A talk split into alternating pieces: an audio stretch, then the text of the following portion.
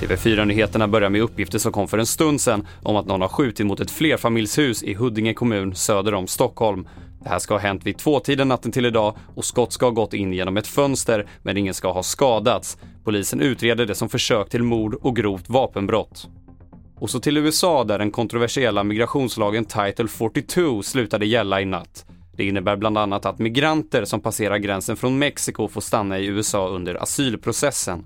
Thomas Kvarnkullen är på plats i El Paso i Texas. Ja, den stora skillnaden är ju att eh, migranter från och med nu igen kommer att kunna få sina asylskäl prövade när de kommer till eh, USAs gräns. Och samtidigt så träder då nya hårdare regler i kraft för eh, de som tar sig in i USA på illegalt vis.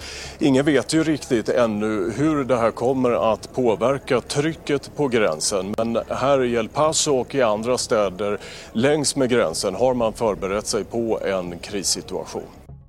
Och så till sist kan vi berätta om en kvinna i Ryssland som har dömts till villkorlig dom efter att ha lämnat en lapp på Putins föräldrars grav. Det här skriver The Guardian. På lappen stod det bland annat “Död åt Putin. Ni uppfostrade ett monster och en mördare”.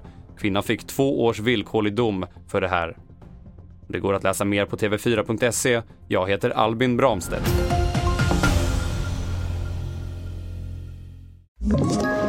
Ett poddtips från Podplay. I fallen jag aldrig glömmer djupdyker Hasse Aro i arbetet bakom några av Sveriges mest uppseendeväckande brottsutredningar.